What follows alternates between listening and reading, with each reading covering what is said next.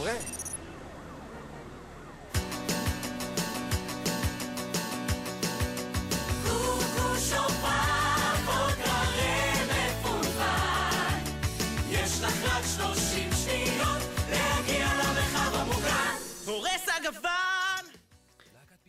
כמה רוק, איזה רוק, אני מרגיש כאילו אחרי. הופעה. ממש, כמה פאתוס. אדרנלין. מדהים.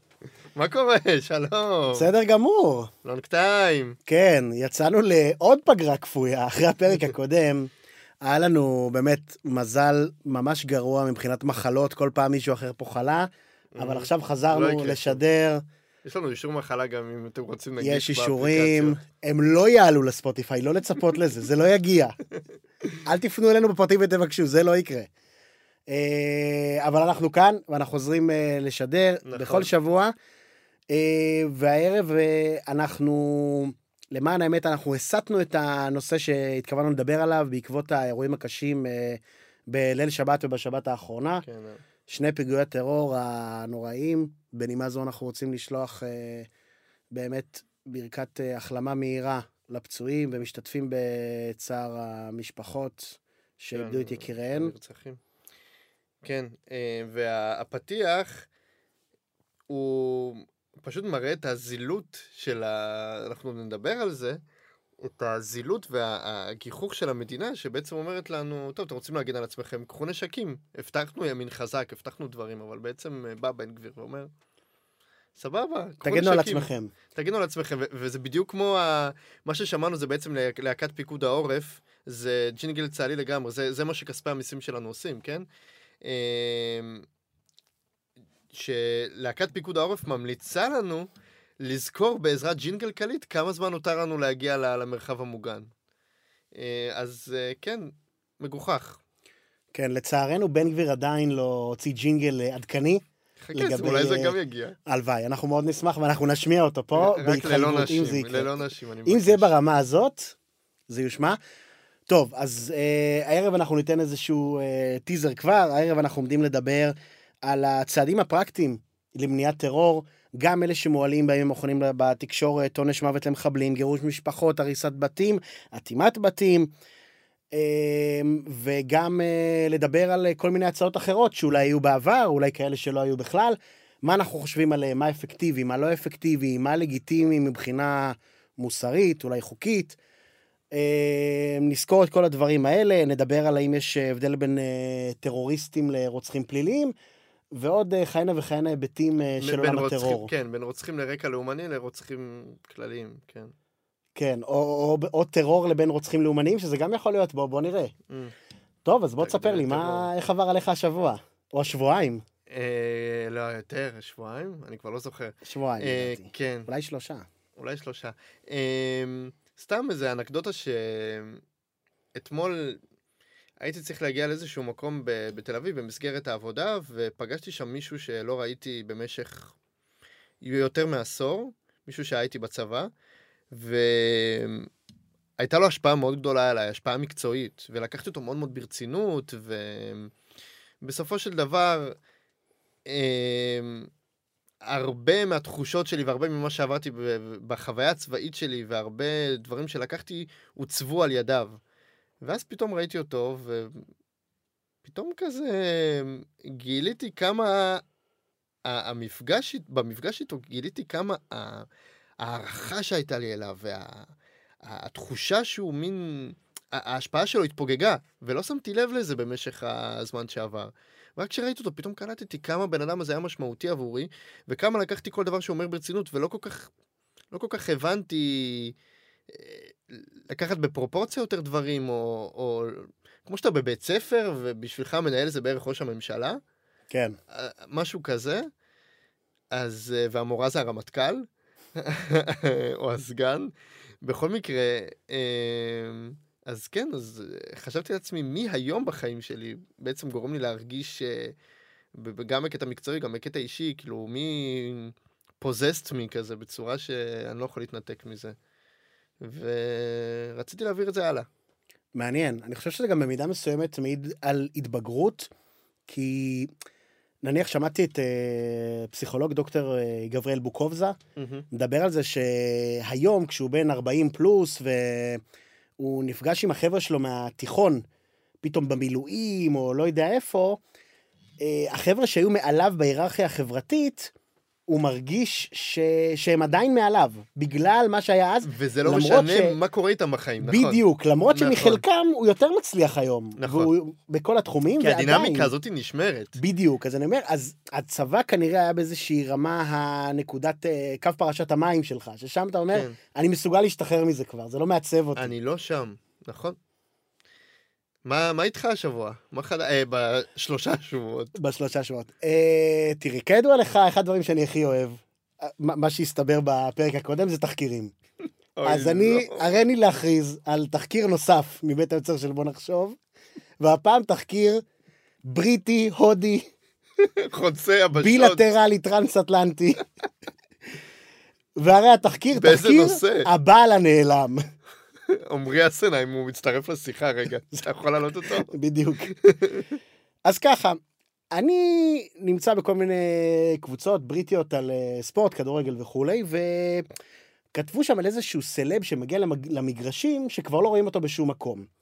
ואחת התגובות הייתה אה, שאולי יראו אותו בסרטון של Spice Cottage בעוד תש... Spice Cottage בעוד תשע שנים, והתגובה קיבלה מלא לייקים והלייקים צוחקים. המון. אוקיי.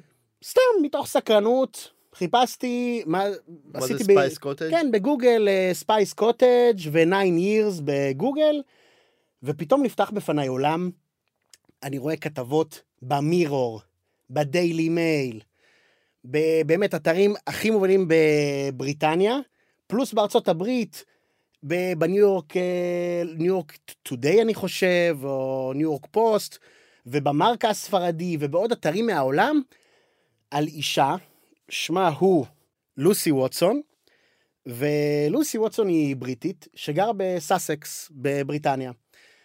ובסאסקס בריטניה יש עוד דבר, עוד מוסד מאוד מכובד, שנקרא Spice Cottage וזו מסעדה הודית. Spice, תבלינים. מאוד מכובד, מוסד... מוסד קולינרי ידוע, סתם, הוא לא, לא באמת, סתם איזושהי מסעדה. עכשיו, המסעדה העלתה סרטון שבו היא קוראת לאנשים לבוא לאכול אה, לקראת השנה החדשה, משהו כזה, העלו את זה בתחילת ינואר, ובסרטון רואים אנשים יושבים, אוכלים וכולי. עכשיו, בין התגובות, יש תגובה של אישה שאומרת, מתי הסרטון הזה צולם? אני רואה בו את בעלי והוא מת לפני תשע שנים. אוקיי. הופה, פה זה נהיה מעניין. אז חיפשתי את המסעדה בפייסבוק, מצאתי אותה, הגעתי לפוסט, מגיע לתגובה, עכשיו כל התגובה, זה פתח שרשור עצום, כאילו של מלא תגובות שמגיבות לה, מה קורה, העם דורש עדכון, האם ראית את הגופה, האם את יודעת בוודאות שהוא מת, האם יכול להיות שזה הוא. זה עשה רעש בכל בריטניה ובכל הברית, המסעדה המטומטמת הזאת? תקשיב, אני אומר לך שזה, עלו כתבות בדיילי מייל, אם אני לא טועה, זה עיתון החדשות המוביל בבריטניה, מירו זה אחד העיתונים המובילים, מרקה זה עיתון מאוד חזק בספרד, זה ממש אה, שוטף, תחפש אחרי הפרק אה, את השם שלה. אני חשבתי שארבע מבריח- מבריחות סמים זה השיא של הלואו לבל שאפשר להגיע אליו. לא, איפה? קיצור, אמרתי, אדוני, אנחנו עושים תחקיר עד הסוף, אני רוצה לדעת מה קרה, לא היה עדכון. פניתי אליה בפייסבוק, עכשיו, לפני שפניתי אליה, נכנס אליה לדף, אני רואה 14 חברים, תמונה אחת לא של בן אדם, לא זוכר, של חתול או משהו כזה, אוקיי, היה נראה כבר אה, די חשוד כל הסיפור כן. הזה, אבל אמרתי, אתה יודע מה, בוא נפנה אליה, נשאל מה קורה בשביל ה- להיות בטוח. לא ענתה, פניתי, עכשיו חלק מהחברים שלה הם גם כן פיקטיביים, פניתי לאחד החברים שלה, שאלתי אם הוא מכיר אותה, לאחד הלא פיקטיביים היחידים שם, הוא אמר שלא. בקיצור, 90 אחוז, מה זה 90 אחוז? 99 פסיק משהו אחוז אה, פיקטיבית. עכשיו, את הסיפור הזה אני עמדתי לספר בפרק הקודם, ואיזה מזל שלא הקלטנו בשבוע, כלומר, בפרק הקודם, בשבוע שעבר. ואיזה הייתה מזל התפתחות? והייתה התפתחות. אוקיי. אמ, אז אם אני לא טועה, זה היה BBC. ה-BBC עשה ראיון. אתה מחרטט אותי? לא, אני מבטיח לך, כל מילה אמת. כל מילה אמת. ה-BBC עשו ראיון עם בעל המסעדה, והוא אמר שהוא מכיר את הבן אדם בסרטון שהיא אומרת שזה בעלה, ואין סיכוי שזה בעלה, הוא לא מכיר, הוא לא יודע מה השם שלו, אבל הוא סועד שם קבוע. אבל הוא חי. הוא חי, והוא בא לשם תמיד, והוא הרבה הרבה יותר צעיר ממה שהיא אומרת שזה אמור להיות בעלה. היא בת 59 ואומרת שבעלה בן 60 ומשהו, והוא אומר שזה בחור בן 45 בערך. בקיצור, נפטרה תעלומה, זה לא בעלה, זה מישהו לכל היותר דומה, או הרבה יותר סביר להניח, מדובר בטרול. אבן עגולה. ובכך הגיעו לסיומו אחד התחקירים המסעירים ביותר שידעה בריטניה. עכשיו לדעתי. תסביר לי את הבדיחה של הסלב שלא מגיע, ואולי הוא יהיה כמו הספייס אה, קוטג'. שפשוט שהיא אמרה שהוא נעלם. ועוד תשע אה, תשע שנים איזה- פתאום מופיע בסרטון. הבנתי, אז אולי הוא יופיע בסרטון כמו הזה. כן. וואו. המסר, חבר'ה, תהיו. סקרנים. תהיו סקרנים, זה פותח עולמות. עם המון זמן פנוי, סקרנים אבל עם המון זמן פנוי. תשקיע אותו במה שחשוב. סבבה, נתחיל. יאללה, בוא נתחיל.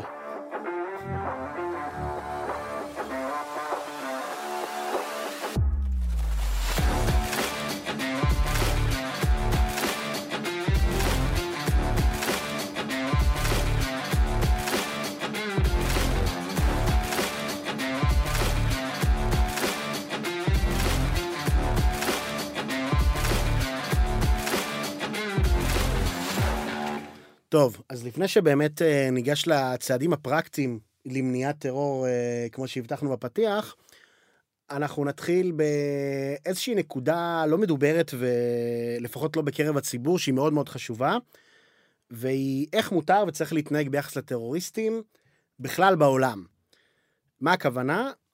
אה, איך בעצם הדין הבינלאומי מגדיר מלחמה בטרור, איך הוא מגדיר טרור. יש בעיה בחקיקה הבינלאומית בנושא טרור, וזו בעיה מאוד מאוד רצינית, מכיוון שאין הסכמה על ההגדרה של טרור. יש למעלה ממאה הגדרות של מה זה טרור, וואו. וממש אין הסכמה על הדבר הזה. יש הסכמה אבל על ההבדל בין טרור לבין אה, אה, ארגוני פשע אזרחיים? לא בארץ, בעולם, בכללי. כאילו מבדילים בין המאפיה לבין אה, ארגוני טרור שפשוט רוצים לפגוע ב... באנשים באשר הם, ללא קשר בכלל לכסף, כוח, מעמד. שמע, מן הסתם אני לא מכיר את כל ההגדרות, אני מניח שיש גם כאלה שכוללים אפילו את זה בפנים, בהגדרה של טרור, זה אה, באמת, יש הגדרה שגם מאוד מאוד מאפיה זה רחבה. טרור. אני מאמין, מן הסתם אני לא מכיר את כל ההגדרות, יש איזשהו ספר שיצא, נדמה לי, בשנות ה-80, של מישהו שאסף, אה, ישראלי, שאסף ממש מעל 100 הגדרות ב-. בארץ ובעולם למה זה טרור ו- ועל חוסר ההסכמה. עכשיו, שגריר ישראל באו"ם בשנת 87 כתב ספר בשם הטרור, כיצד יוכל המערב לנצח. אותו שגריר, במקרה שלו נקרא בנימין נתניהו, ובספר הוא קורא להקים איזושהי אה, אמנה בינלאומית, שכל המדינות אה, יהיו חייבות לחתום עליה ולהסכים עליה, שתגדיר מה זה טרור. וצריך להבחין בנקודה הזאת בין טרוריסט לבין שבוי מלחמה של איזשהו צבא אויב, שזה מה שמוגדר באמנת ז'נב- ז'נבה, ואולי אנחנו ניכנס לזה קצת יותר מאוחר. אה, כי יש לפעמים אנשים שחושבים שאמנת ז'נבה חלה על טרוריסטים, אבל בפועל זה לא נכון. יש כל מיני הבחנות שם, למשל, אה, אמנת ז'נבה חלה רק על מי שלובש מדים של צבא האויב, הוא מזדהה כצבא האויב, זה ברור לחלוטין. מישהו בא כאיזשהו אה, לוחם גרילה מחופש, לפעמים אפילו עם מדים של הצבא שלך, אה, הוא, הוא בוודאי לא יכול להיכנס להגדרה הזו. Mm. אה, עכשיו, בועז גנור, שהוא מנכ"ל המכון למדיניות נגד טרור, אה, פרופסור באוניברסיטת רייכמן, והוא אחד החוקרים המובילים בארץ, אה, כנראה אפילו בעולם, בענייני טרור, כתב מאמר באמת מכונן בתחום ב-2003, מגדירים טרור, האם טרוריסט בעיני האחד הוא לוחם חופש בעיני האחר?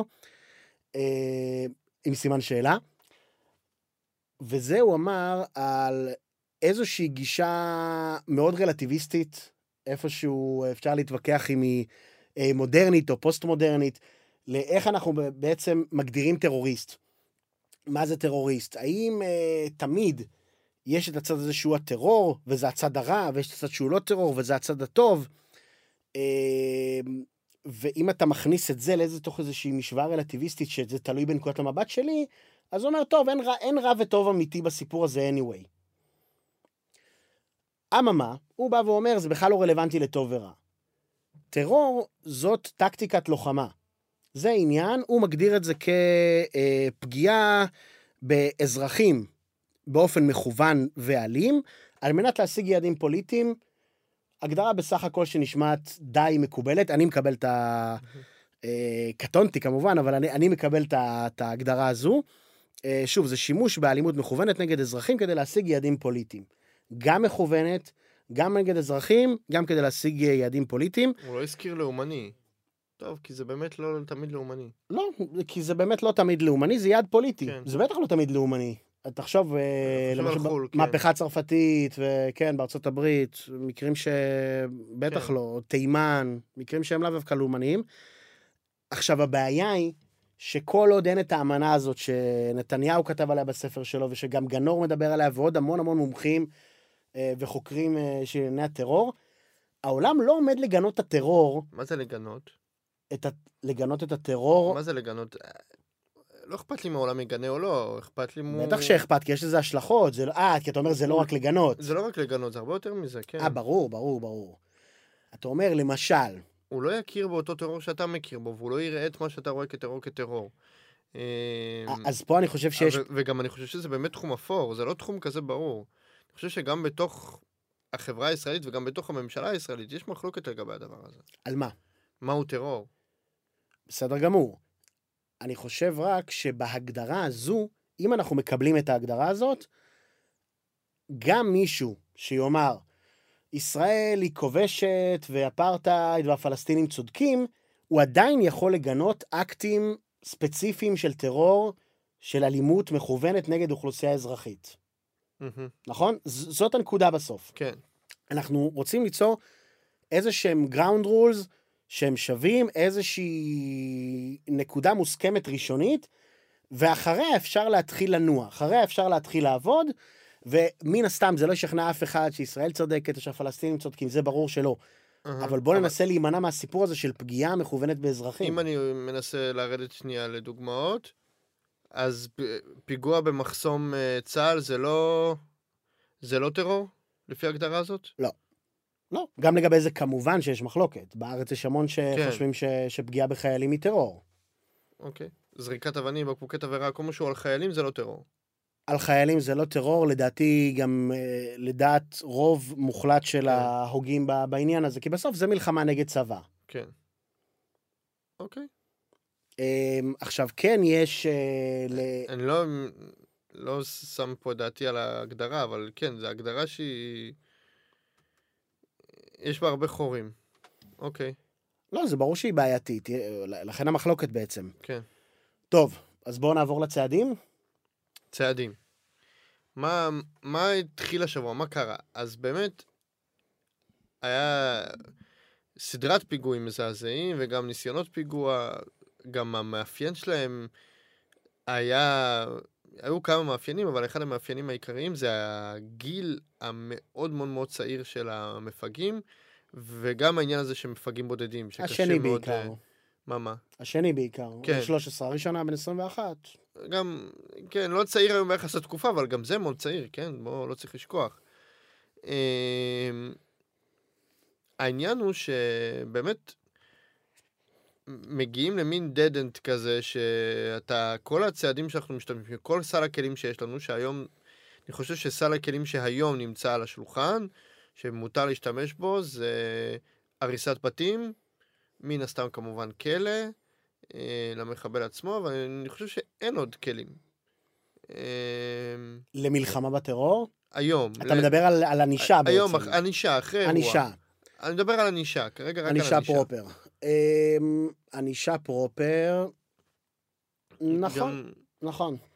אני לא יודע גם כמה חקיקה מחמירה בענייני נשיאת נשק אה, או כאלה, אבל זה, זה עניין אחר. ש... ב... ב... אני הולך לכיוון של ליצור הרתעה לפני האירוע, אבל ב- בקטע של ענישה, כן. וסל הכלים הוא מאוד מאוד מצומצם, אתה רואה את זה גם היום כשמדברים על זה היום אחרי הפיגוע, ובתוצאה הסופית אתה רואה שהוא לא עובד, או שהוא לפחות לא עובד מספיק טוב.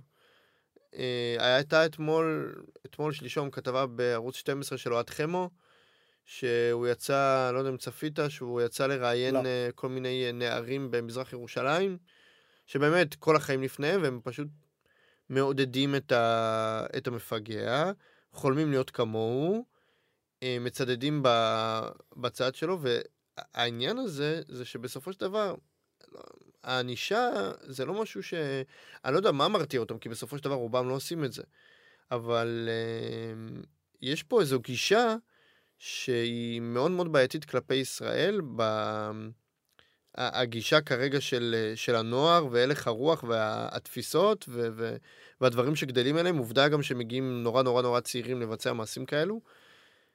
והשאלה היא איך עם הכלים הנוכחיים שכרגע לא עובדים, איך אפשר או להרחיב את הסל הזה, או להשתמש בו בצורה יותר אפקטיבית, או לחשוב על דברים אחרים, אה, וזה זה באמת הדיון שרצינו להעלות. כן, אז יש לנו, יש לנו כלים אחרים.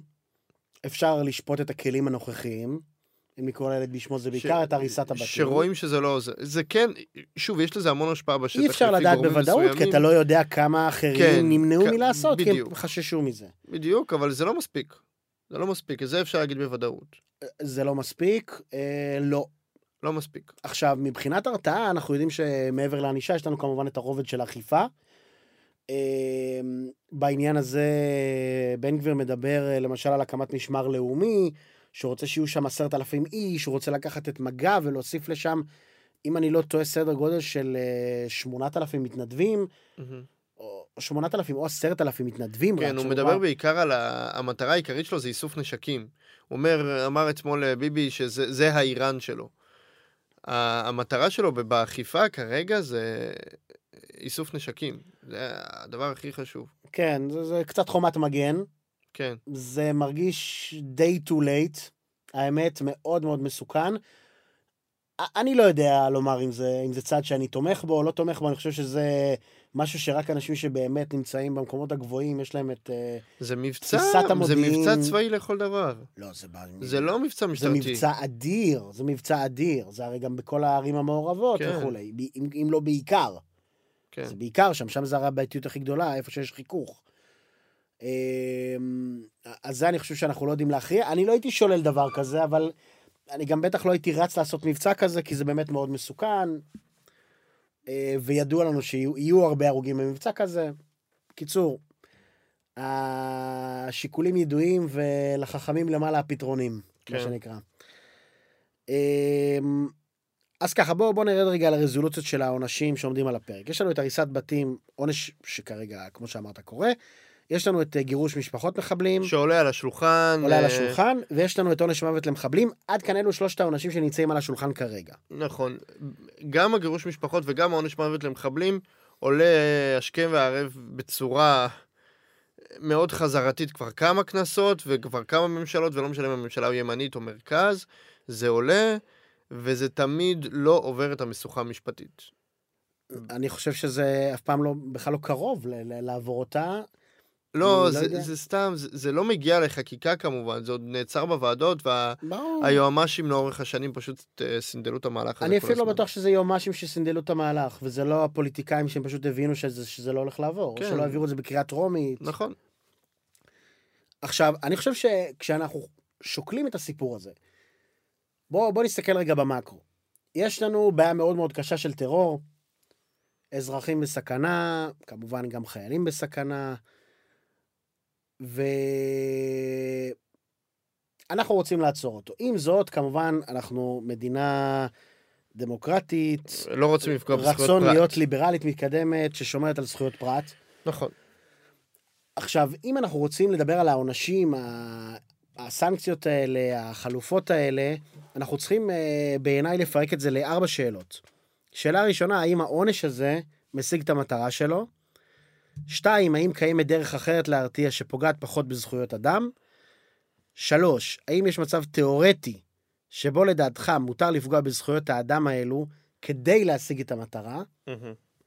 וארבע, האם אנחנו במצב הזה? בהנחה שעלית על תשובה שלוש כן. זה די דומה למבחני uh, המידתיות שהוגדרו בבית משפט, אם אתה רוצה לחוקק חוק ש... מידת סותר חוק הסבירות יסוד, שזה... לא, לא הסבירות, הסבירות, זה מידתיות. מבחני המידתיות. עזוב, לא ניכנס לזה עכשיו. מהמם. די דומה, זה לא בדיוק זה. Uh, העיקרון די דומה. עכשיו בואו בוא נדבר על העונשים האלה קונקרטית.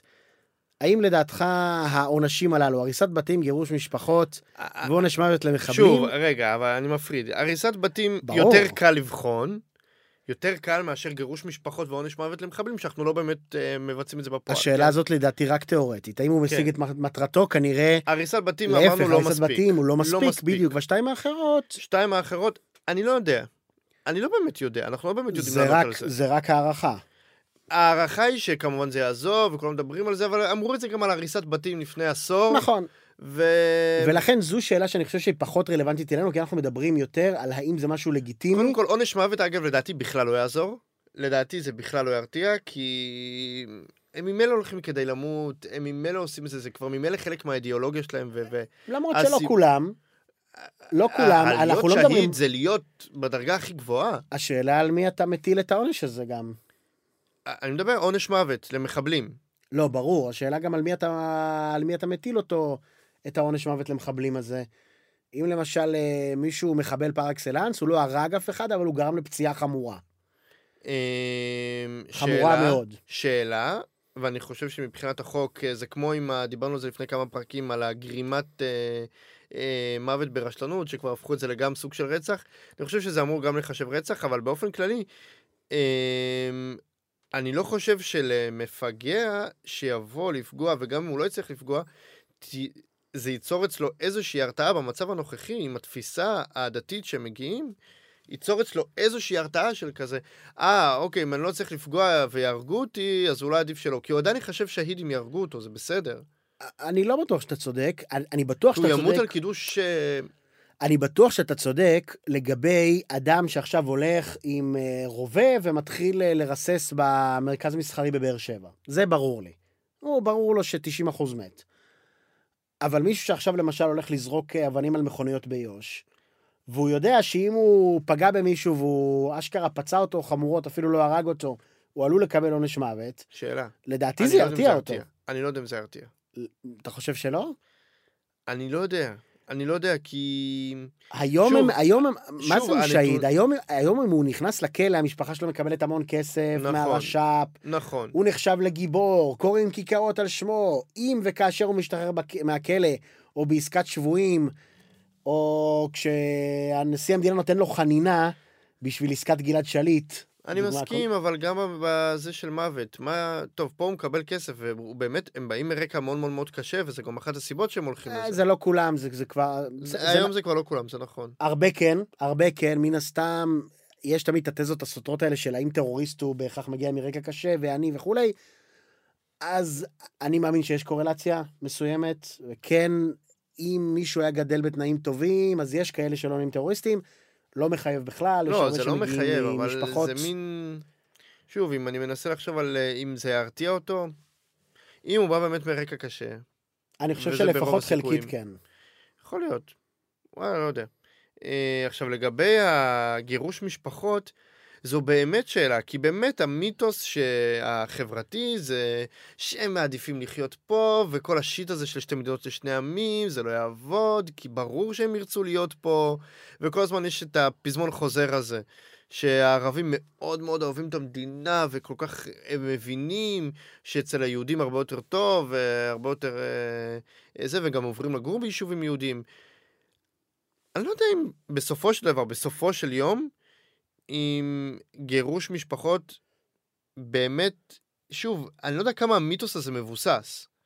אני לא יודע מבחינת משאל עם אנונימי, אם תלך לכל האזרחים הערביים הישראלים והלא ישראלים, אם הם באמת באמת אה, כל כך יסוסו לגור במדינה יהודית כמו היום, ללא לא מדינת כל אזרחיה. אני אגיד לך שתי נקודות. א', שוב, אני אומר, במקרו לגבי השאלה הזו, זו השאלה הפחות מעניינת פה לדעתי מבחינתנו. למה? היא לדעתי השאלה המכרעת.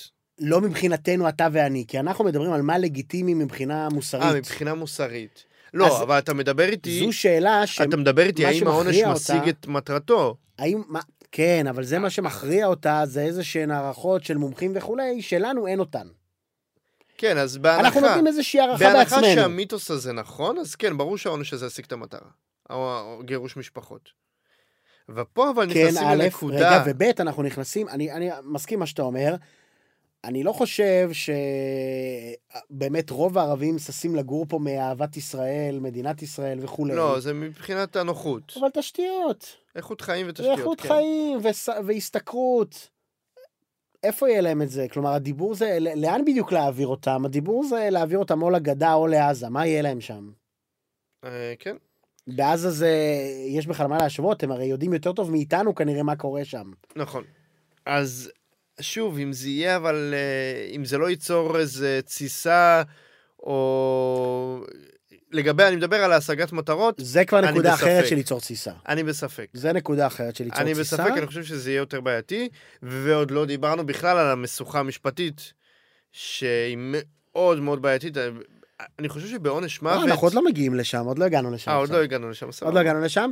אבל ליצור תסיסה, זה בכלל לא מעניין אותי. פה לא, בשאלות לא שלנו. מעניין כלומר, אתה בשאלות. צודק, אתה צודק. נכון, זה לא מעניין, השאלה אם זה ישפיע. אני מדבר על תסיסה בקטע שזה לא כל כך השפיע.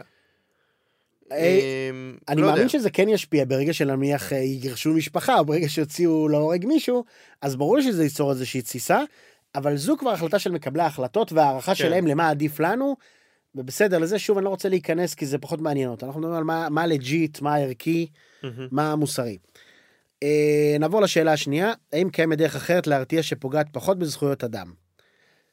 עכשיו, שתי דרכים שהזכירו, אחת זו הדרך שהציע אברי גלעד כבר לפני כמה שנים, והיא אה, ברגע שיש מחבל, ברגע שהוא מת, אז ישר לוקחים אותו אם הוא לבית, מחוסל, כן, בזירה או משהו, כן. ישר לוקחים אותו לבית הח... בית החולים הקרוב למקום הפיגוע, וישר תורמים את איבריו, וזה מה שיגרום לו לחשוב פעמיים וירתיע אותו מלצאת להרוג ישראלים.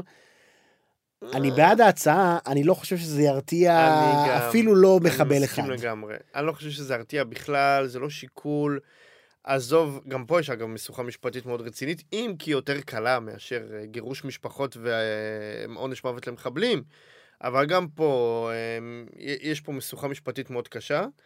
אה, יש פה משוכה משפטית, אין ספק. אני אומר גם, אבל אני לא חושב שזה, אני מסכים איתך, אני לא חושב שזה הרתיע מישהו. בהנחה שהדבר הזה לגיטימי משפטית, כלומר אפשר, אפשר לקיים אותו באיזשהו מרחב, אני בעד.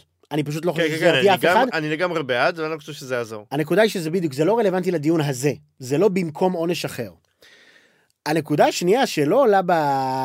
בסבב הזה, בגל הזה, אה, זה העניין של אה, לשים חתיכה מגופה של חזיר על גופת המחבל, כן, וככה חזיר, הוא לא זה, עולה לגן עדן. כן. לא, פשוט לא. זו נקודה שלמיטב הבנתי היא לא באמת עובדת, היא לא באמת רצינית, זה לא באמת מרתיע אני לא אותם. חושב שזה בכלל ירתיע. אם יש לנו לא איזשהו ירתיע, מידע, כי- ש... אלא אם כן, שוב, צריך ללכת פה לאיש דת מוסלמי, זה באמת שאלה. לאיש דת מוסלמי, לדעת כמה זה ישפיע, כי בסופו של דבר, אם האיש דת מוציא פסק הלכה, ש... אם האיש דת מוציא פסק הלכה שגם אם קוברים אותך עם, ה... עם החזיר, אתה עדיין שהיד, ואתה עדיין תקבל את ה-72 בתולות, אז אתה עדיין תקבל את ה-72 בתולות שלך, וזה לא משנה אם, אה, אם שמו עליך חזיר או לא שמו עליך חזיר, כי יש פסק הלכה שיבטל את, ה... את העניין הזה עם החזיר. כן. יש פסק הלכה שיגיד שבמצב הנוכחי, עם, אה, לאור אה, קיצוניות הכיבוש והמצב ה- הבלתי אפשרי שהגיע אליו העם הפלסטיני, זה בסדר, גם עם חזיר לא יקרה לך כלום. זהו, ומנטרלים את זה בשנייה. כן, דרך אגב, סתם אה, איזושהי אנקדוטה בעניין הזה, אה, יצא לי לשמוע הרצאה, אני לא זוכר איך קוראים לה, דוקטור מאוניברסיטת תל אביב, אה, שמרצה על אסלאם, והוא דיבר על פסיקות באמת בעולם האסלאמי, והוא דיבר על זה, על כדורגלנים מוסלמים שמשחקים בקבוצות על, ושהם קיבלו היתר הלכתי מיוחד אה, לאכול ברמדאן, מכיוון שזה משהו אה, שהוא מהותי לפרנסה שלהם, והם לא יכולים בלעדיו. ברמדאן, אגב, יש היתרים לאכול, אתה יכול להשלים אבל את הצום ביום אחר. זה משהו שהוא מאוד אה, מקובל אה, באופן כללי. זה לא כמו יום כיפור אצלנו, הם יכולים להשלים את זה ביום אחר. אתה יכול שבוע ברמדאן לא לצום ולהשלים את זה, ב... יש כל מיני מועדים שאפשר להשלים. בעיקר גם זה לנשים הריוניות או כל מיני כאלה. כן.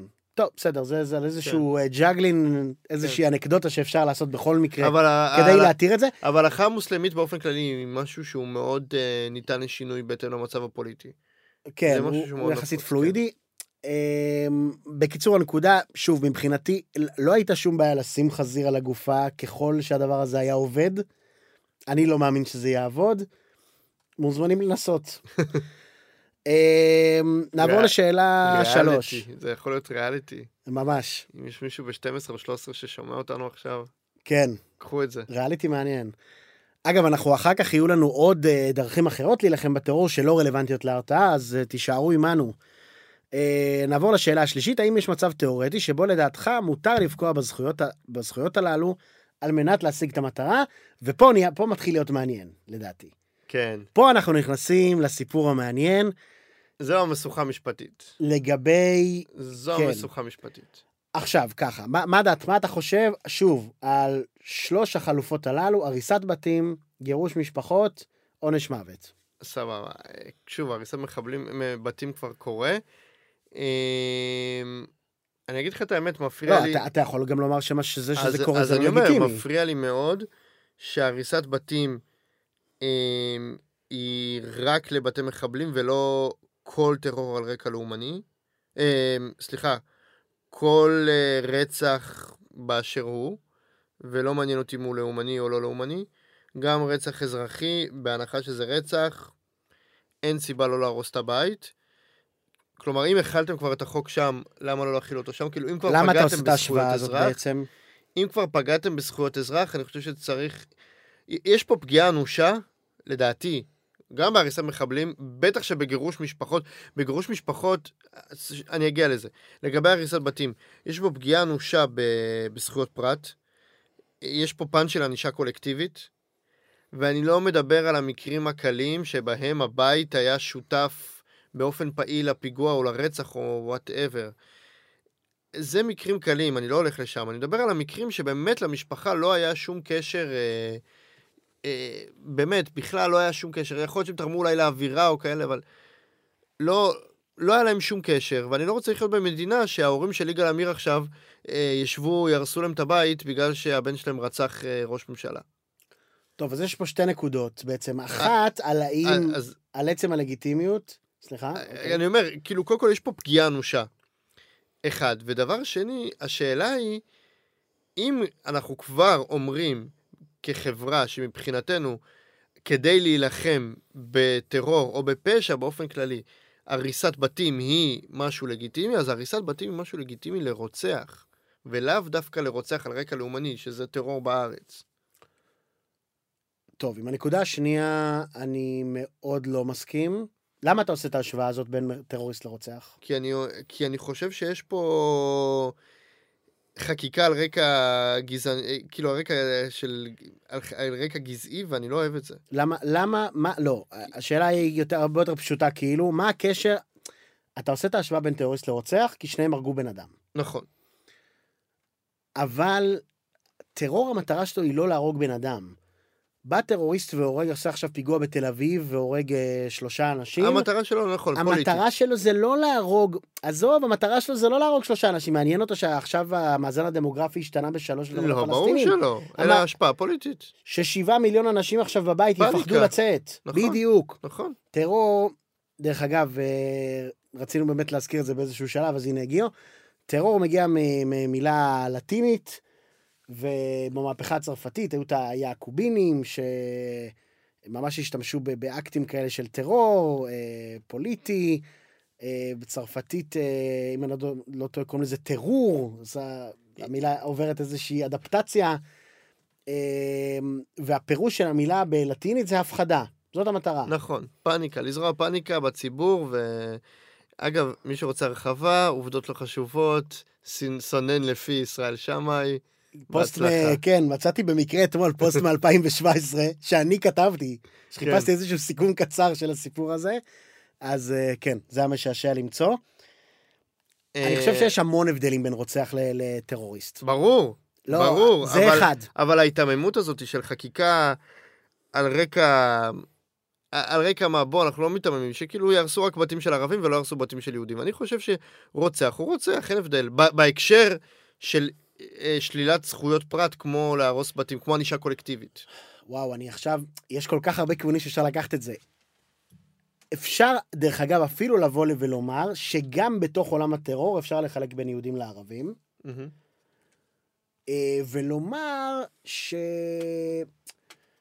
הטרור היהודי, א', אפשר לומר שהוא איזושהי תופעה שולית וקטנה וכולי, וב', זה לא, זה לא רלוונטי לחקיקה. אולי זה כן רלוונטי, כי... אוקיי, וב'? ב', אה, מכיוון שהוא לא בא ממש למוטט את היסודות מתחת למדינת ישראל. אני לא נותן את הנקודה הזאת, אני לא מקבל אותה. אני לא מקבל אותה בכלל, אוקיי, סבבה. אני, אני לא מקבל אותה בכלל, ואני חייב להגיד שהייתי... טוב, לא, אבל לא, אני, לא מקבל, אני פשוט לא מקבל אותה, ובאותה מידה אני לא מקבל את ההשוואה בין רוצח לטרוריסט. עכשיו, אני רוצה לחבר פה כבר את הסיפור של אה, עונש מוות למחבלים, גירוש משפחות נשאיר לסוף. עונש מוות למחבל והריסת בית הם לא אותו דבר, כי הנענש הוא בעצם אדם אחר. נכון, יש פה את העניין של ענישה קולקטיבית. ענישה זה- קולקטיבית, חד משמעית. יש פה בעייתיות, ואני אומר, אם... טוב, בסדר. בשניהם, מהמם. בשניהם אני מוכן לקבל את זה חד משמעית, גם על רוצח פלסטיני, גם על רוצח יהודי. מכל אין אה, לי- מניע? אין לי, לא, בשום פנים ואופן, כן, שום, אין שום נקודה להשוואה בין רוצח לבין טרוריסט. שום נקודה להשוואה. ההשוואה היחידה לא זה הוא הרג. מישהו, אבל יש שם כל כך הרבה הבדל. א', אמרנו, מי הסיפור שמנהל ארגון פשע... של המטרה של מה שהוא עשה, המטרה של מה שהוא עשה, זה להפחיד הרבה יותר אנשים, זה להפחיד את המדינה, זה להכניס את המדינה לפאניקה. ואם קורה? שרפתי את החנות של... אה, מה הנזק אם, שהוא אם יוצר? בעל החנות, אם שרפתי את החנות ואת בעל החנות של... אה, אז מה? שהוא לא שילם לי פרוטקשן, אז אני לא רוצח באותה מידה? אני לא זורע מישהו- פניקה באותה מידה? מה פתאום? אפילו לא מאית, ברור ש... סליחה, לא באותה מידה, אבל אני גם זורע פניקה ואני גם מפחיד את השכונה, לא את הציבור, את בכלל, העיר. וזאת- א', לא קרוב, וב', זאת את לא המטרה שלך. שלי. הכ... המטרה שלי זה לבסס את המעמד שלי, המטרה שלך זה לבסס את המעמד שלך כפושע, או... פה המטרה שלו זה ואנחנו לפגוע, רוצים להילחם בזה. המטרה שלו שם היא לפגוע. במיליונים, והוא מצליח. סבבה, וגם פה פה הוא, הוא המטרה שלו זה מצליח. לפגוע באדם אבל אחד, גם פה הוא והוא מצליח. פגע בעשרה. וגם פה הוא מצליח. לא, הוא כרגע, לא. כרגע המצב של הפשיעה הוא באמת לא כזה ששריפת חנות ב- בנהריה תשפיע על אה, בעל עסק באילת. אבל בסופו של דבר, אפילו בנהריה היא לא כל כך הרבה תשפיע. היא גם כן, כן, כן, יכול שהיא להיות שלא תשפיע על אף אחד היא תשפיע עוד. בעצם זה שרואים שהאכיפה היא לא מספיקה, רואים שהחקיקה לא מספיקה. ואז מה הם יעשו? אז מה הם יעשו? אם ישלמו פרוטקשן. פאניקה. לא, מה הם יעשו אם ישלמו פרוטקשן? לא, מה. קורה אם יש פיגוע עכשיו, פיגוע בנהריה ומישהו נרצח? אין לך איך להתגונן מזה, אין פרוטקשן. ברור שאין פרוטקשן, אבל המטרה... זה הרבה יותר גרוע. אבל המטרה של להשליט טרור היא אותה מטרה, על זה אני מדבר. המטרה היא אותה מטרה, ולכן העונש צריך להיות לא, זהה. לא, לא. כל, ולהתחבא מאחורי טיעונים של לאומני ולא לאומני, זה לדעתי מאוד זה לא מאוד להתחבא קטן. מאחוריהם, כי הם לא רלוונטיים בכלל. אז הם כן רלוונטיים, מאוד רלוונטיים. כלומר, לא, הם רלוונטיים, הם לא רלוונטיים בקצה, הם רלוונטיים כאיזשהו צינור שמביא אותנו לתוצאה של הפחדה של מיליונים, וזאת גם המטרה שלו, כלומר, זה לא במקרה. אנחנו מסתכלים פה על עם שמטרתו היא להרוג בנו. מט- מטרתם של המון מתוכו היא להרוג בנו. מהללים את הרוצחים האלה. עכשיו הרוצח, אותו רוצח מנהריה, כמה אנשים יהללו אותו? כמה אנשים יקראו כיכרות על שמו? כמה אנשים יקראו בתי אתה ספר מדבר על על שמו ויעבירו לו מידת כספים? האהדה, ומידת האהדה שהוא יקבל? כן. מה המעמד שלו? סבבה, אבל שוב, מה, מי, מי רוצה להיות לידו? אני מסכים, הוא יקבל מעמד יותר יופי. גבוה, אבל גם, הזה, גם הפושע יקבל מעמד די אתה, גבוה. לא, הוא לא. אתה תרצה לא להיות פושע. מידה, לא באותה מידה, אבל הוא הצליח לזרוע פאניקה, וזה גם לא אכפת לי, אתה חוזר לא על אכפת לי, הפאניקה. לא אכפת לי כמה אהדה או מעמד הוא מקבל, וכמה פאניקה הוא מקבל. אני לא משווה פאניקות. איך לא משווה אכפת לך? מעמד. הוא מנסה לפגוע מבחינתי, קבעתי, בהרבה יותר והוא כי- הצליח. מבחינתי, המחוקק קבע שלילת זכויות פרט. אם זה כרגע בהריסת בתים, ונניח שבהמשך גם בגירוש משפחות, או בעונש מוות למחבלים. המחוקק קבע שלילת זכויות פרט ופגיעה אנושה בזכויות פרט במקרים מסוימים. אז אני חושב שהדין צריך להיות זהה, בין אם זה טרור ובין אם זה פשע. המחוקק, מה שהוא קבע, כבודו במקומו מונח. לא מעניין אותי פה מה המחוקק קבע, מעניין אותנו מה, מה ראוי. מה ראוי. עכשיו- עכשיו, אני לא חושב שיש הבדל. ואגב, בהערת אני אגב, לא חושב שיש אני יכול הבדל. לומר, אם היו מחליטים, אני נגד עונש מוות לרוצחים, אם היו מקבלים את ההחלטה הזאת, לא, לא חושב שהייתי יוצא לרחוב למחות. כלומר, זה לא משהו שאני אה, מאוד כן, לא מתנגד אליו. נכון. אני חייב לומר. אבל ההשוואה... גם לא היית מגן על רוצחים, זה קצת... אה, זה כן. לא, אני אומר, בסדר, אז זה להגן על זכויות אדם. אני מתנגד לרעיון, אבל... אה, וזה גם לא שאני תומך עד כדי כך נלהב של עונש מוות למחבלים. כן. ועם זאת, אני חושב שמה שמאוד חשוב, ולמה זה כאילו מבעיר אותי, הסיפור הזה, היא ההבנה של כמה הטרור מסוכן, כמה הוא מזיק, כמה הוא הרבה יותר גרוע מהרג. כמה כל פעם שמישהו נהרג, לא... כל כך הרבה אנשים נפגעים. והסיפור הזה, רגע, החברתי, מהמם. של ההילול וההדר והכספים, זה רק מעודד עוד אנשים לצאת. ברגע ששנייה יהיה מישהו, מישהו אחד עכשיו רוצח סתם בנהריה כי הוא פושע, על לא הימורים, סתם, לא סתם. או whatever, על מישהו שלא החזיר לו את הכסף בהימורים, או על זה שהוא אה, אמר לו, יא אפס, תזיז את הווספה שלך וחסם לו את המקום, אז הוא יצא ודקר אותו. זה סיפור אחר. אתה גם לקחת יותר את זה למקום, אתה גם לקחת את זה לקיצוניות של ה... בסדר. אני לקחתי לכ- ל- למקרים הקלאסיים של רצח בפשע, אבל בסדר, תמשיך. לא יודע אם זה, אלו המקרים היותר נפוצים, אבל אני מס- מסתכל על כולם. מקצה אחד ועד קצה, הוא גם הרצח הכי רנדומלי, מהמם. וגם הרצח הכי מתוכנן, שאתה אומר על פרוטקשן כדי להפחיד. אין פה בכלל אותה מידה, לא של תמיכה ציבורית, שזה סופר משמעותי, כי זה לעודד עוד אנשים לעשות את זה. וברגע שאדם אחד יצא ורצח אנשים, הוא מעודד את הבא אחריו. זה לא קורה ברצח. זה לא נכון. בטח לא בהיקפים לא האלה. נכון. ברור שלא בהיקפים. אני לא לא, אבל ההיקפים מתווכח משנים. על מידתיות. המידתיות וההיקף הוא לא רלוונטי בעיניי. בוודאי שזה הוא רלוונטי. לא רלוונטי. כי אתה, אתה שופט, רלוונטי. אתה, העונש צריך להיות מתאים, א', לנזק, זה למה, למשל, אה, אתה יודע, האונס אה, מקבל עונש חמור יותר מהטרדה מינית. למה? כי העבירה חמורה ברור, יותר. נו, נכון. כי הנזק חמור יותר. וגם פה זה בדיוק אותו סיפור, הנזק חמור יותר. וזה לא נזק אבל שהוא... העבירה היא אותה עבירה, אונס והטרדה מינית זה לא אותה עבירה. אתה אומר רק האקט.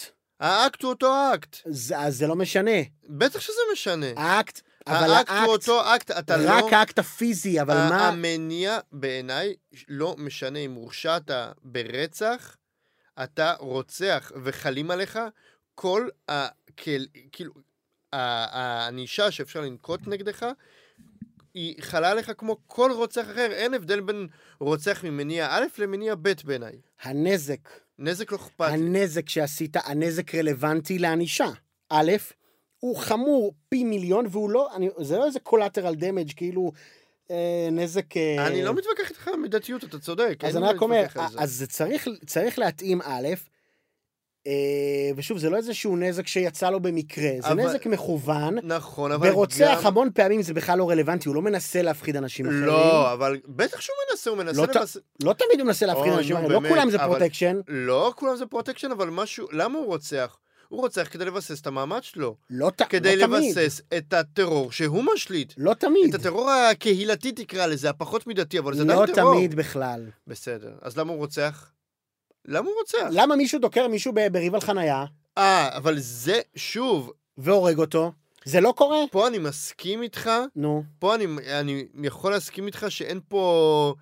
אה, רק במעשה הלא מתוכנן אתה מסכים איתי? לא במעשה הלא מתוכנן, ברצח האקראי, זה אותו דבר. הוא, כן, כן, אני אומר, ברצח האקראי יש פה איזה... אמ, שוב, אבל גם פה, גם ברצח האקראי, הפושע או זה, הוא בא להגיד, תקשיבו, אני יותר חזק, אף אחד שלא יתעסק איתי בחנייה, אף אחד שלא יתעסק איתי עם, אה, עם חוסר תשלום. כן, לא, אני- בחוס- בחוסר תשל- בחוסר לא תשלום זה משנה, משהו עזוב, לא אחר. חוסר חוסר תשלום. תשלום משהו אחר. לא בחנייה. אף אחד לא יתעסק איתי, כי אני המלך של השכונה הזאת. אה. ואז רואה אותו מישהו באילת, וזה מה שרציתי להגיד על ההשפעה, וזה כן משפיע. זה שאתה חושב שזה לא משפיע, ואז קם עוד ארגון פשע בינתיים, ארגון חקיין, בדיוק כמו בטרור. לא אומר אין שפשע... שום רגע, הבדל. לא וואו, זה כל כך הרבה הבדל. רגע, שנייה. קודם כל, אצל יורי וולקוב, למשל, אתה לא חושב שהתשובה, שהוא סתם פשוט חמור אתה מוח? מבין שאם יורי וולקוב לא כן. יורשע ברצח, נניח שזה הולך. לקרות, מה? הרוצח שלו. אה, הרוצח של יורי וולקוב, סליחה.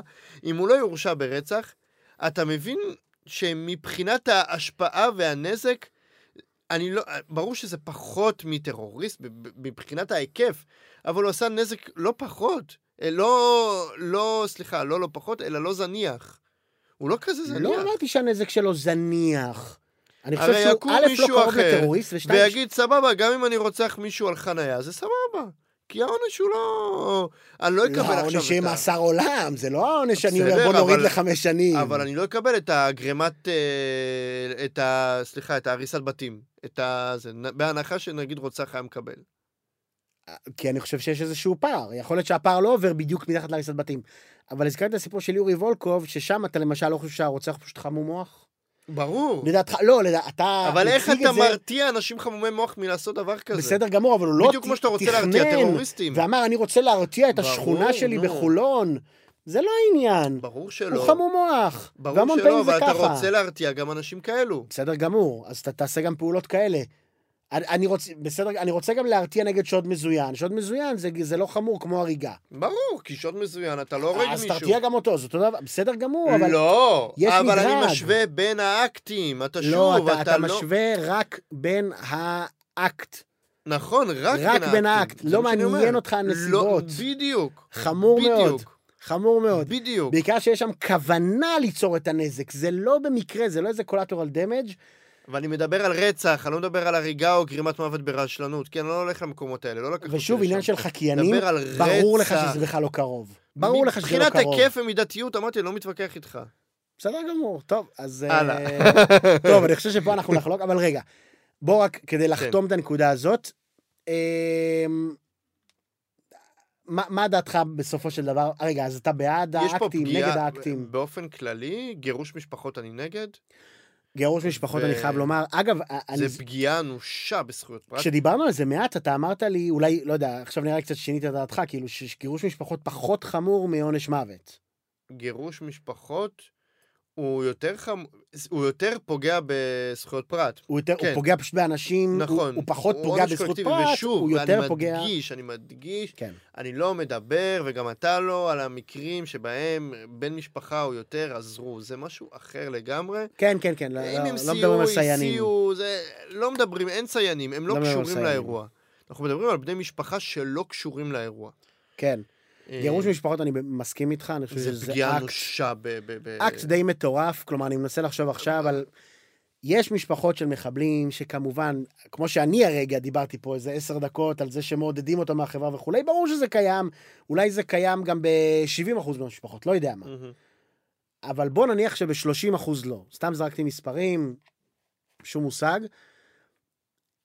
אי אפשר לקחת 30% מהאנשים שהם חפים מפשע, נכון, הם לא קשורים, נכון. ביניהם גם ילדים, גם אם התפיסות נכים. שלהם בעייתיות, לגבי ישראל ולגבי ה... זה לא רלוונטי. זה השאלה לא אם הם רלוונטי. סייעו נכון. לטרור. אגב, נכון. אפילו הייתי אומר, סייעו לאו דווקא לאקט הטרוריסטי הזה. גם צידדו זה מספיק לי. צידדו... בשביל אה, לגרש. זה משהו אחר. הייתי אומר, אפילו הייתי מרחיב את היריעה ואומר של תמיכה בטרור בכלל, ולאו אבל- דווקא באקט המסוים בדיוק. שלו.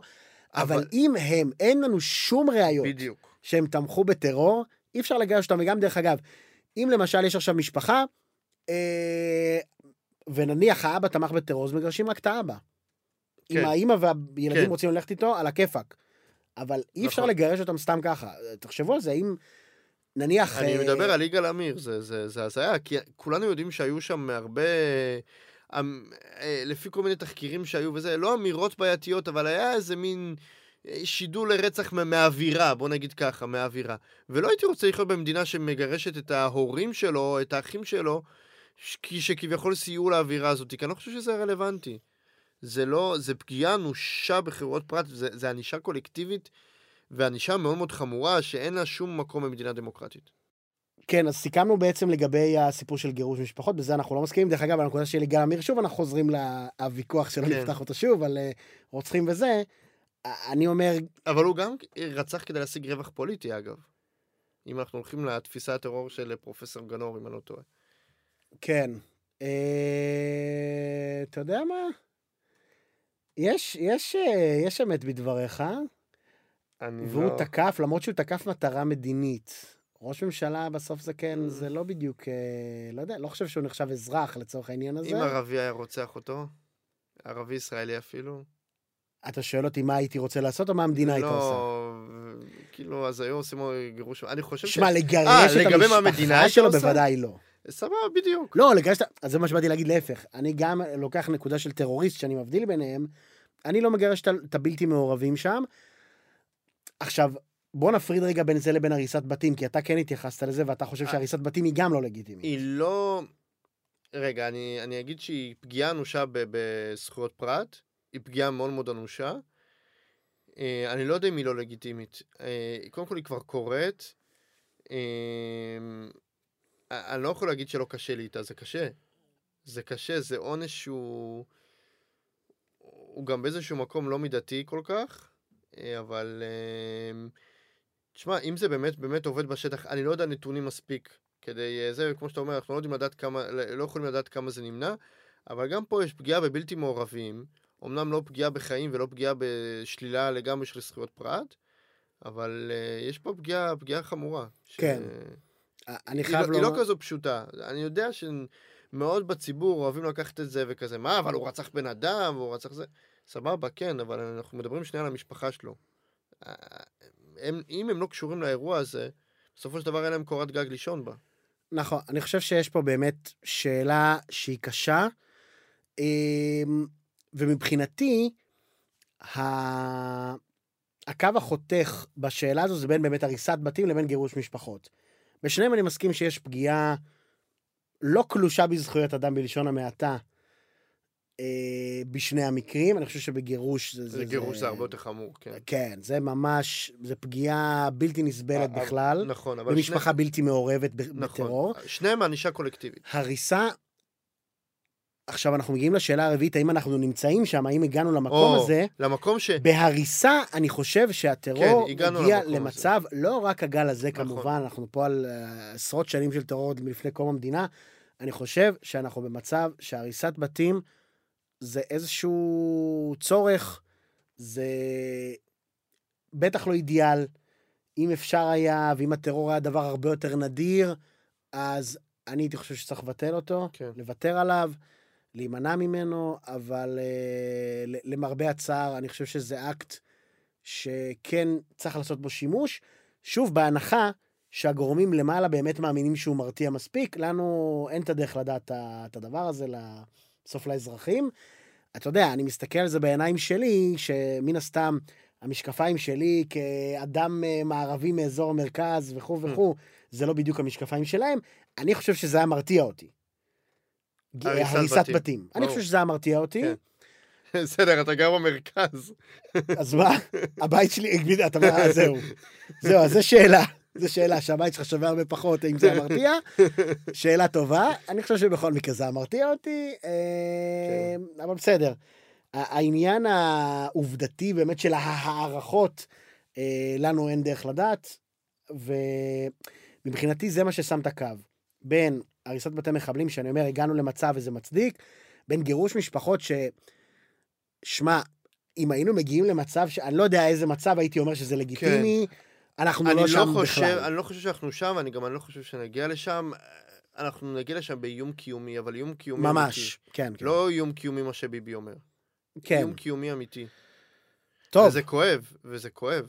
כי אנחנו ספק. במצב לא טוב, ואנחנו קל לנו לדבר, אבל אתה יודע, כשזה מגיע לבית שלך ולנרצחים אצלך, אז כולם מדברים אחרת, אבל כמדינה, זה, זה, זה לא קל, זה לא קל. כן. טוב, אז בוא נעבור אה, לדרכים אחרות למלחמה בטרור. בוא, בוא נדבר. קודם כל, בוא נודה במצב כרגע. אנחנו במין dead end כזה, שבסופו של דבר, אנחנו נמצאים פה והם נמצאים פה, וזו עובדה. הם לא הולכים לשום מקום, אנחנו לא הולכים לשום מקום. כלומר, הטרור שלהם ימשיך להכות בנו, אנחנו נמשיך בפעילות צבאית, אנחנו גם כנראה נמשיך להיות, כנראה, באופן די ברור, אנחנו נמשיך להיות גם עליונים, אה, נשמור על העליונות הצבאית שלנו, ועדיין לא נצליח למגר את הטרור הזה, ואנחנו במין משחק סכום אפס כזה שכולם אה, מפסידים ממנו, פשוט כל צד אה, יותר, אבל לא, לא סכום אפס מבחינת הנזק, אלא סכום אפס מבחינת פתרון, כי אנחנו לא, לא, אנחנו באותו מצב. אנחנו באותו מצב, וזה לא משנה כמה הרוגים או נזק יש בצד אחד. זה גם סכום האפס הקלאסי של אה, כן. ברגע שהוא נפגע אני מרוויח. כן, פה, נכון, לא... אמ, ה- ה- הגלים האלה של הפיגועים הם מאוד מאוד מאוד כואבים, אבל בסופו של דבר זה לא מה שיכניע את המדינה שלנו, ובסופו של דבר גם כל הפעילות הצבאית והכלים שכרגע מתמודדים איתם, זה לא מה שיכריע את הטרור. ובסופו של דבר, אנחנו במין רולטה רוסית, כאילו, אני ואתה מחר עולים על אוטובוס ואנחנו לא בטוח שנחזור, וזה לא בטוח תאונת דרכים, זה כאילו... זה... זה קשה, זו תפיסה קשה. עכשיו, אני חושב שכדי לשבור את הגלגל הזה, צריך לחזור לשולחן ההידברות, ואני בכוונה אומר הידברות ולא משא ומתן. אה, צריך לחזור לשולחן ההידברות בלי תנאים. אה, עם הצד השני, אני לא מקבל את הטענות שאין פרטנר, ואני חושב שצריך ביחד לפעול לשנות את המצב. אני לא חושב שמחר בבוקר יהיה פה שלום והיונות יפרחו, היונים יפרחו. אה, יופרחו. האיילות יקפצו או משהו כזה, כן. מה שהן עושות. אני לא חושב שזה יקרה מחר בבוקר, אני חושב שמין צריך א- א- איזה שהם צעדים בודי אמ- אמון בין שני הצדדים. אה, אבל בסופו של דבר, מה האלטרנטיבה? לחיות על החרב עד סוף ימינו, וגם שהילדים שלנו יחיו על החרב? אתה יודע שכשאנחנו היינו ילדים, תמיד אמרו שכשתגדל כבר לא יהיה צבא, וזה, היום אף אחד לא אומר את זה. אני לא זוכר מי, אבל אמרו לי את זה בתור ילד. שהיום כבר אף אחד לא אומר את זה? לא, אמרו אה, לי- אמרו לי. ש- שאני אגדל לא יהיה צבא. אני גם לא לי אמרו את מי. זה. הרוב לא אמרו את זה, אבל אה, נאמר המשפט. נכון, היום כבר אף אחד לא אומר את זה, כי, לא. כי ברור שיהיה צבא. א- א- עכשיו, למה? אנחנו איבדנו את התקווה, ובסופו של דבר, אנחנו לא נמצאים במקום יותר טוב. אני לא תמים, אני לא נאיבי, אני לא אומר עכשיו ישר אה, למסור שטחים, או ישר לוותר על שבויים, או לא יודע מה. לא, אני לא כלומר, אומר את זה. אתה אני גם אומר- נגד אה, הידברות עם תנאים מוקדמים. נכון. בגלל זה אמרתי הידברות ולא משא ומתן. אני חושב אבל שה-state of mind צריך להשתנות, והתירוץ הזה של אין פרטנר הוא לא תירוץ, ה-state of mind חייב להשתנות, גם אצלם, גם אצלנו, ו- ולהגיע לאיזשהו מצב של אה, הסדר ארוך טווח, ב- בסוף. בסוף אנחנו חייבים להגיע לאיזה מצ... מצב של הסדר ארוך טווח. אני בכוונה לא אומר אם זה שתי מדינות, אני לא... כרגע כל הקונסטלציות אה, שמוצעות על השולחן וכל ההתערבות האמריקאית, הפתרונות שמועלים הם לא טובים בעיניי, אבל, אבל בסופו של דבר צריך להגיע לפתרון, והוא יהיה כואב גם לישראל, אבל בטווח הארוך הוא יהיה משתלם, אני רוצה להאמין בזה. אני רוצה להאמין בזה, שזה זה אפשרי. אז לי יש מסר אה, לאנשי אין פרטנר. בתור אחד כזה, אני בעתיד הנראה לעין לא מאמין בפרטנר, אוקיי. ואני מאוד פסימיסט ביחס ליחסינו עם הפלסטינים. אבל אני, ודאי אחרי שומר חומות, בוא תן לי את ה... אוקיי. אני אומר, סבבה שאתה פסימיסט ואתה אומר אין פרטנר, אבל אתה... אני מבין שאבו מאזן כרגע נגיד הוא לא פרטנר, אבל אתה... יש לו השפעה... אז חכה, חכה, חכה דווקא. אוקיי, אולי, אולי אתה. תופתע, יכול להיות שתופתע. מקווה. אבו מאזן, כידוע, לא אוהב ישראל גדול. מעבר לזה, יש בעיה של חוסר משילות של הרשות הפלסטינית. בדיוק. מאוד גדול. כל הסיפור עכשיו שהיה עם ג'נין, ובכלל כל הסיפור שיש כבר חודשים ארוכים עם ג'נין, זה בין היתר כי אבו מאזן איבד שם את השליטה. נכון. by the way, צריך על זה לזכור- מדברים שאין פרטנר, כן. זה המשמעות, שכאילו שאין פרטנר כי... זה כי משמעות מנהיג. אחת. כי אין מנהיג. זאת משמעות אחת, וכמובן יש את עזה בצד נכון. השני, שבכלל לא זה- הזכרנו אותה. כן. זאת משמעות אחת, יש גם את המשמעות של לא לסמוך על הפלסטינים. אני לא סומך על הפלסטינים. אני חושב שהמנהיג השמאלי ביותר במדינת ישראל, מה שהוא מוכן לתת, המנהיג השמאלי ביותר בעולם הערבי לא יהיה מוכן לחתום על זה ולעמוד בהסכם. לא מאמין בזה. הערבים לא החמיצו אף הזדמנות להכניס כן, אתה יודע. זה קלישאה, אבל קלישאות לא סתם נוצרו. מהמם. זה נכון, זה ברק ואולמרט, ההצעות היו מרחיקות לכת מאוד, ואנחנו יודעים שערפאת אה, ויתר על מה שוויתר, למרות שהוא קיבל הצעה מצוינת. בסדר, לא ניכנס לזה לפה. העניין הוא שאני מגיע ממקום שאני לא מאמין בפרטנר. עם זאת, אני תומך לחלוטין בעניין של הידברות ובמה שהצעת. ולמה זה? א', אתה יודע, למרות שאני לא מאמין בזה, זה לא שאני אומר בוודאות זה לא יכול לקרות, אין לנו מה להפסיד. המצב שאנחנו נמצאים בו, כמו שאתה אומר, הוא באמת רע.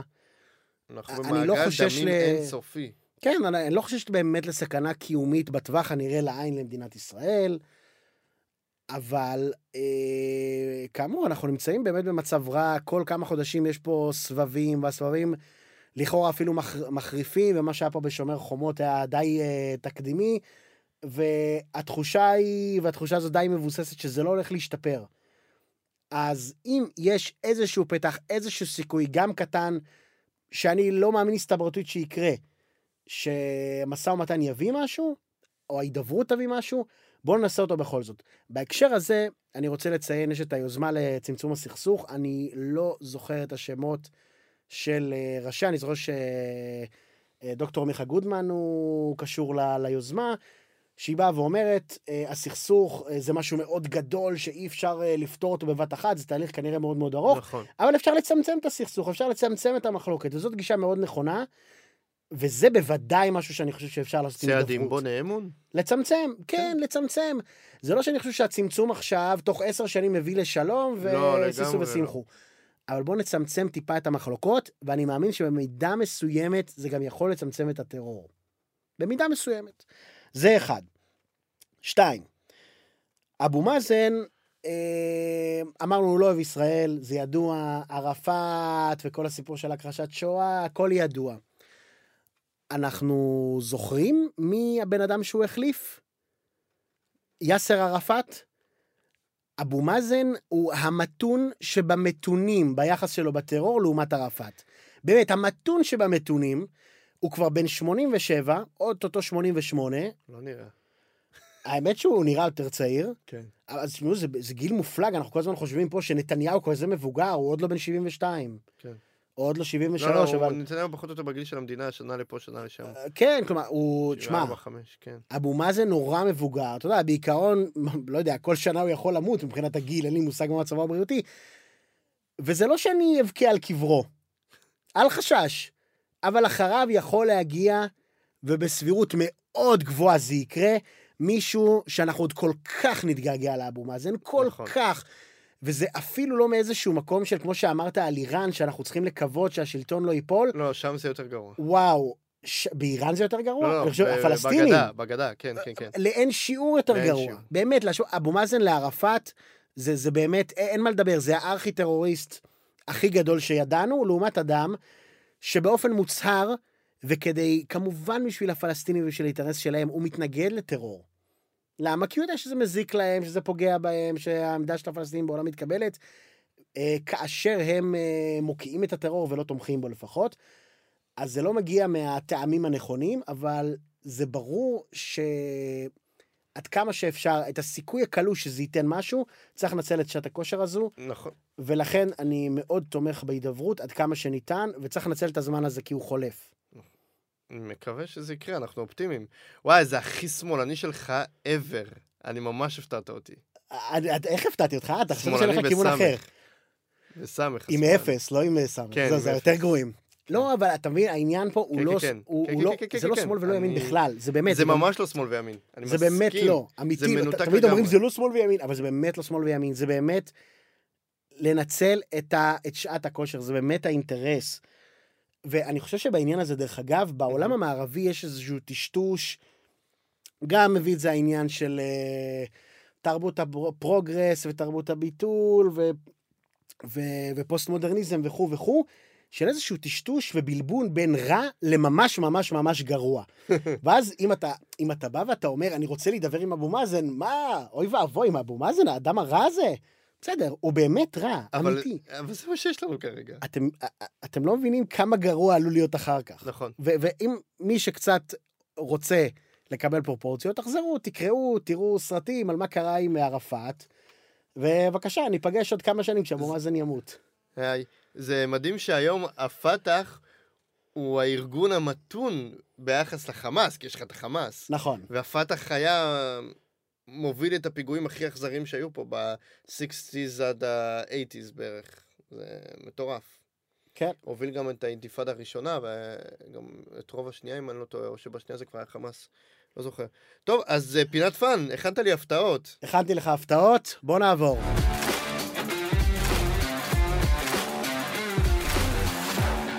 טוב, אז הגענו לפינת הפאן הקצת יותר משוחררת ו chilled, אה, שבה אני אתן לאילון אה, תיאורים של כמה סעיפי חוק או של חוקי עזר, כלומר אה, של עיריות. חלקם אמיתיים, חלקם פיקטיביים, הוא יצטרך לנחש האם מדובר בחוק אמיתי או פיקטיבי. תנסו גם כן. סעיף ראשון, ראש עיריית רמלה רשאי להיכנס לבתיהם של התושבים על מנת להדביר חז... חלזונות, בלבד שמדובר בשעה סבירה, ואסור לכם להפריע לו. נכון או לא נכון? זו פגיעה בזכויות פרט, אם כבר. זו שלילת זכויות פרט. חד משמעית, אבל uh, להדביר חלזונות זו מטרה מאוד חשובה. אז מה אתה אומר? האם היא מצדיקה? אין חלזונות ראש העיר. מסוג מסוים? בוא, נ- בוא נראה, קודם תגיד אם יש כזה סעיף או לא. אני מהמר שכן. The king in the north! יפה מאוד, חוק עזר לא לרמלה. הדברת חלזונות 1965. בעל נכסים או המחזיק בהם חייב להדביר את החלזונות שבנכסיו. סעיף 5א קובע, ראש העירייה רשאי להיכנס בכל עת סבירה לנכסים על מנת לבודקם, לבקרם ולעשות בהם כל הדרוש לו, כדי לברר אם קוימו הוראות חוק עזר זה. וסעיף ב' אומר, לא יפריע האדם לראש לא, לא, העירייה לא, ולא לא, ימנע לא. אותו מלהשתמש בסמכויותיו. כלומר, יש לך חלז- חלזונות, אתה גר ברמלה, תתכונן לביקור צמוד מראש העיר בשעות לגיטימיות. אתה יודע מה זה מזכיר לי? זה מזכיר לי, זה סרטון שראיתי פעם ביוטיוב, אני חושב שאתה הראת לי אותו, של אה, מישהו... הבריטי. כן, הבריטי, שבגלל שאנגליה היא מדינה שהיא קצת יותר עתיקה מרמלה, מבחינת אה, היסטוריה משפטית, ויש להם חוקים הזויים בספר, חוק, בספר חוקים שלהם. אגב, רובם גם, שר- לא רובם, אבל הרבה מהם שרדו גם... אה, כן, הוא, אז זהו, שרדו הוא, בארץ? הוא עבר שם על חוקים רק כאלה ששרדו.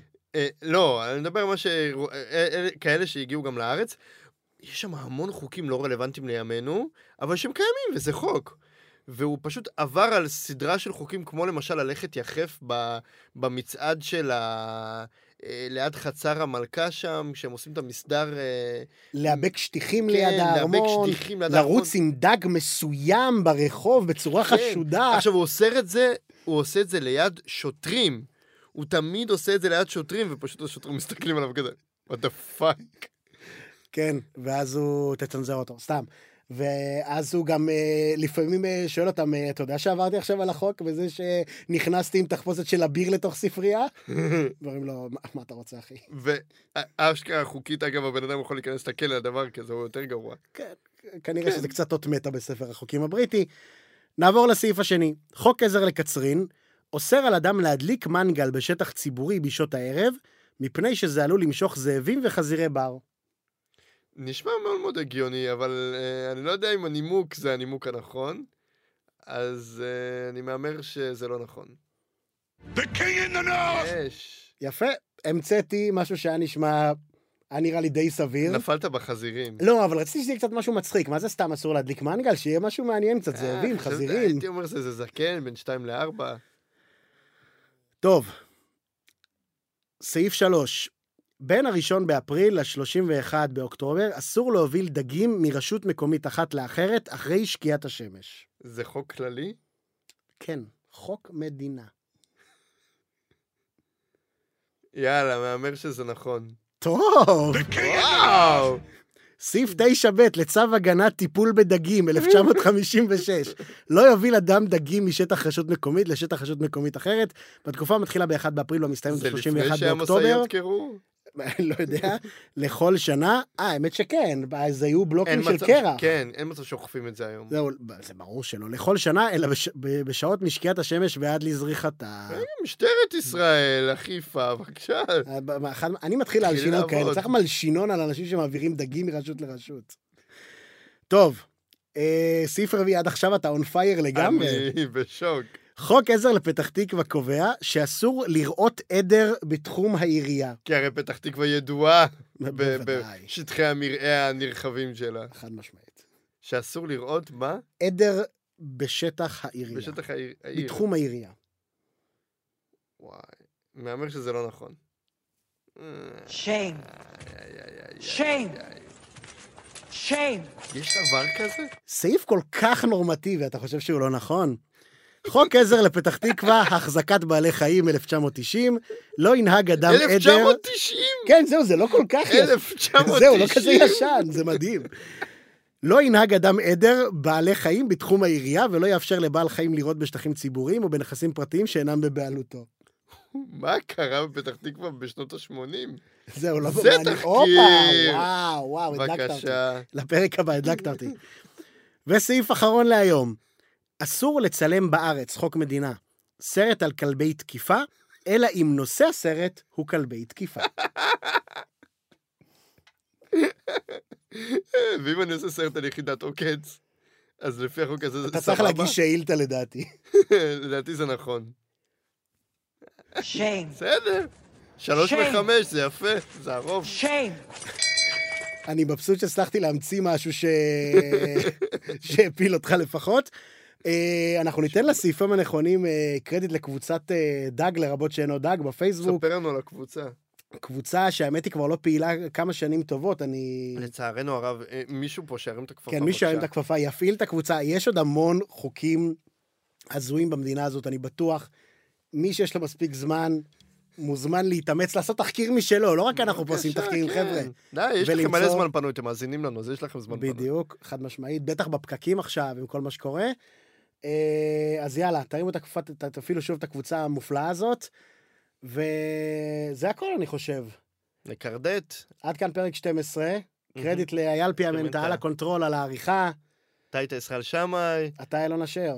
ונתראה בפרק הבא. לא, הפרק הבא, אבל עוד שבוע. הפרק הבא עוד. שבוע, It's a date. ועד אז תזכרו את די.ג'יי הראל שמשי הענק,